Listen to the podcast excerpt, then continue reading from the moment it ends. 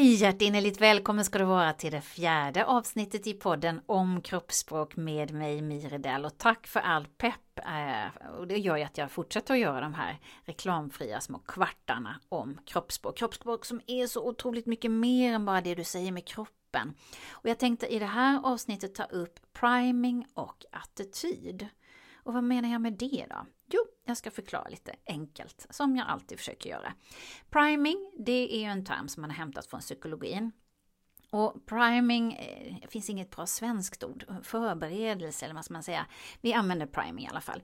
Eh, priming betyder att man förbereder både sig själv, intern priming och när man ska träffa extern priming. Eh, och man gör det så att förutsättningarna för det här mötet ska bli så bra som möjligt. Kanske vill du sälja någon produkt, kanske vill du sälja in dig själv eller på något sätt eh, göra så att mötet blir så bra som möjligt utefter vad du har för syfte med det. Vill du fördjupa dig i det här så kan du googla på Robert Cialdini, det var en amerikansk socialpsykolog. Så han har forskat väldigt mycket på det här, så att googla det. Eh, han studerar ju massor med sådana här grupper som hade daglig kontakt då. Det var han som tydliggjorde den här vikten av priming, men det är många andra som har forskat på det också. Men jag tänkte förklara via göra några stycken eh, historier så du fattar lite mer vad jag menar. Först tänkte jag prata om Florida-effekten.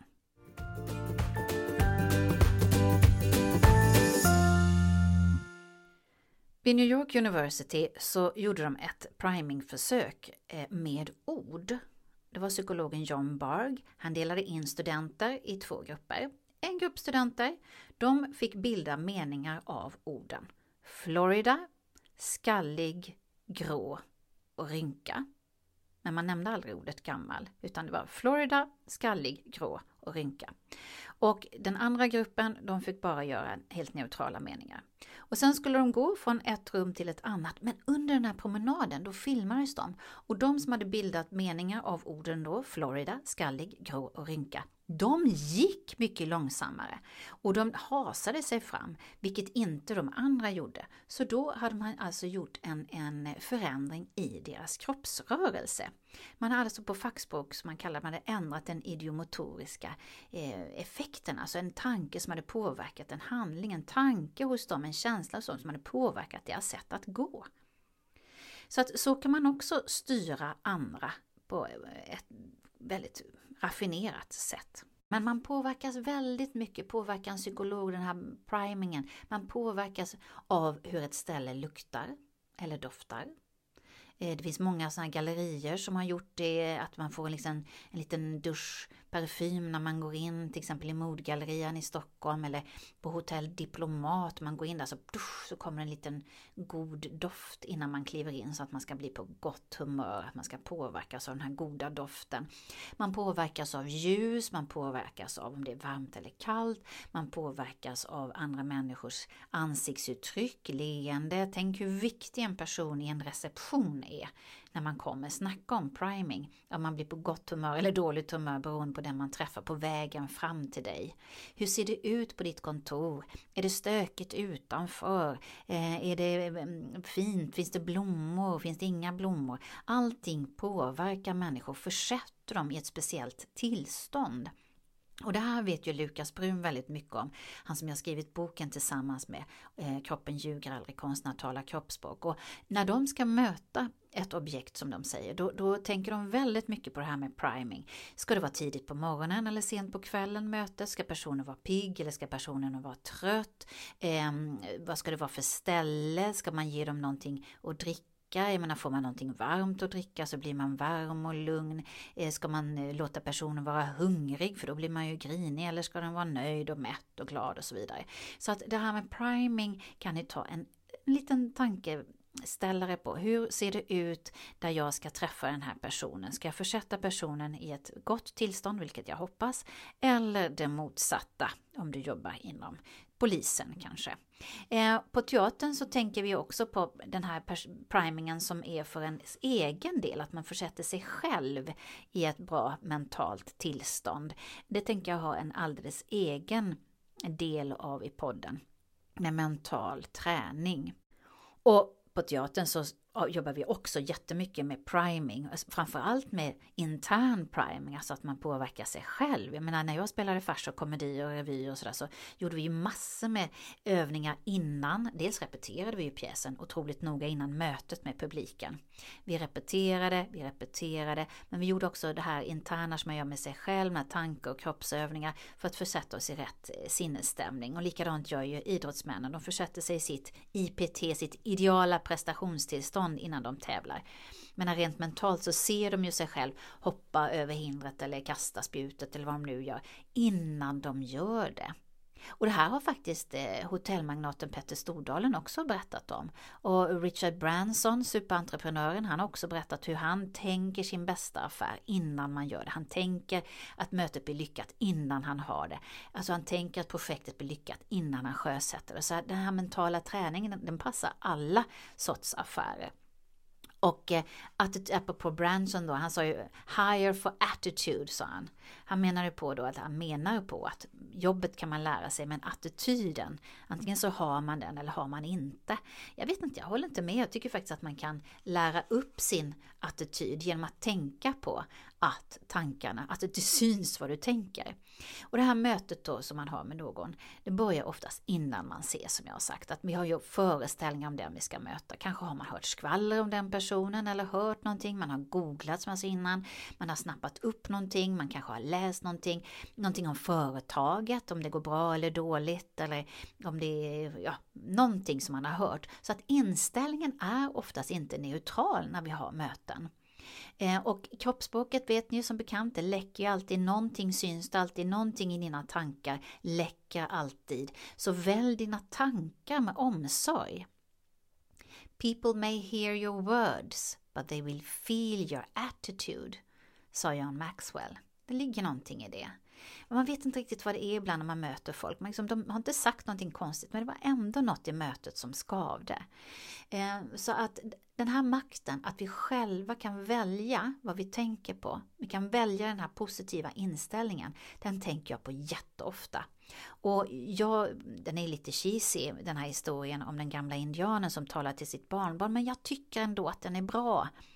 Har ni hört den?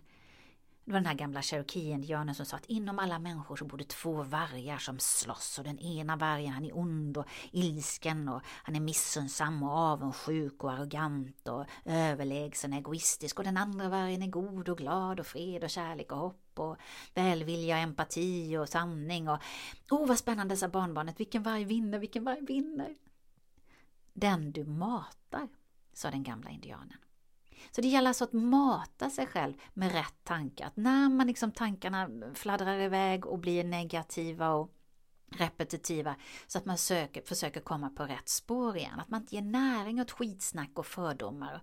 Och att man är öppen och nyfiken. Och när man hamnar i sådana där eh, skitsnacksställen så att man försöker antingen går man därifrån eller försöker man vända dem man talar med för att man kommer på rätt spår igen. Och jag älskar ju föreläsaren Christer Olsson. Han uttrycker det så enkelt och så bra. Människor tycker om människor som tycker om en. Men ibland är det inte svårare än så. Man kan ändra sin inställning. Och ni vet, alltså när man har haft en skitdag.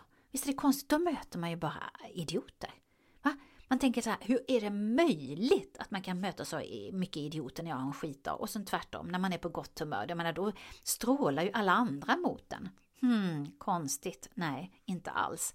Det är som på Gotlandsbåten när det står Du är en del av andras eh, vad är det, det står? Du är en del av andras upplevelse.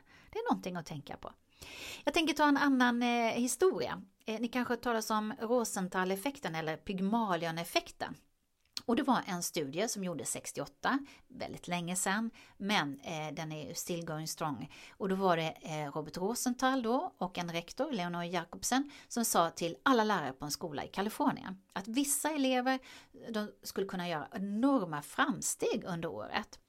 Och tester gjordes på samtliga elever och sen for plockade forskarna helt slumpvis ut vissa elever och hävdade att just de, slumpvis då, men de hävdade det till de här lärarna, att just de här eleverna, de kommer att göra extra bra ifrån sig i år. Och sen gjorde man nya tester senare under året och resultatet visade att de eleverna som lärarna hade fått information om att de skulle göra framsteg, tada, de hade också gjort det.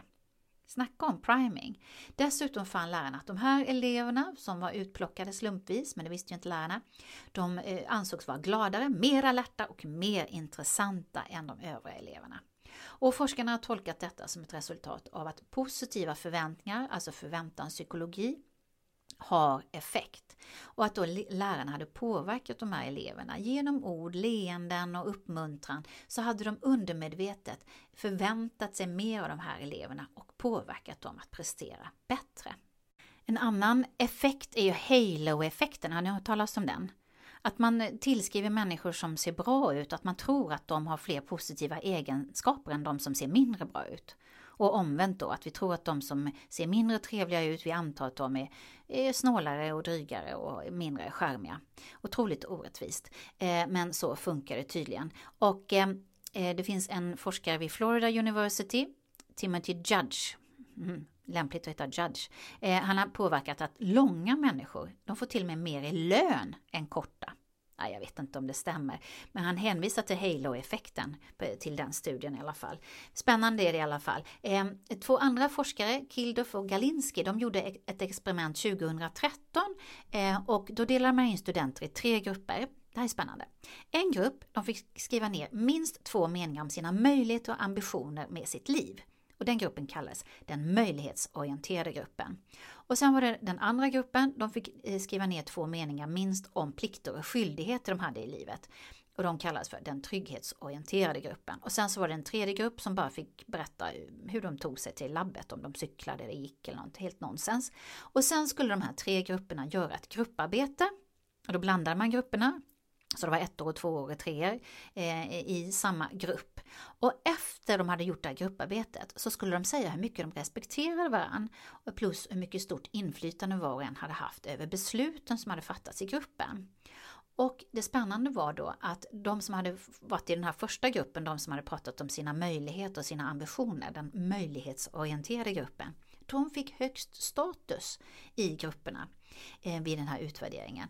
Och sen så den här höga rankingen låg även kvar när de gjorde kommande grupparbeten. Det hade alltså blivit självförverkligande. Så att det här är ju någonting att ta i beaktning och det här med självuppfyllande profetier, det har vi pratat om redan sedan antikens Grekland, finns ju massor med stories om det där. Eh, så att kontentan, tro och förvänta dig det bästa av dig själv och den du möter och av ert möte så blir det en självuppfyllande profetia. Alltså din attityd, din inställning till både dig själv och till andra kan antingen hjälpa eller skälpa. Eh, som eh, Earl Nightingale sa, our attitude towards others determines their attitude toward us. Jag vet att det här med tankarna är lättare sagt än gjort så därför kommer jag göra en specialpodd eh, om bara det med mental träning och hur man tänker runt det och övningar runt det. Nästa vecka tänkte jag ta upp det första intrycket så att nu har det handlat om vad som händer, hur vi kan påverka varandra innan vi ses, hur det påverkar andra, hur vi kan påverka dig själv. Men nästa vecka så tar vi tag i vad är det som händer vid det första intrycket och får man en andra chans att göra ett första intryck egentligen? Dela gärna de här avsnitten, det skulle betyda mycket för mig. Tack för att du lyssnade, så hörs vi snart igen. Hej då!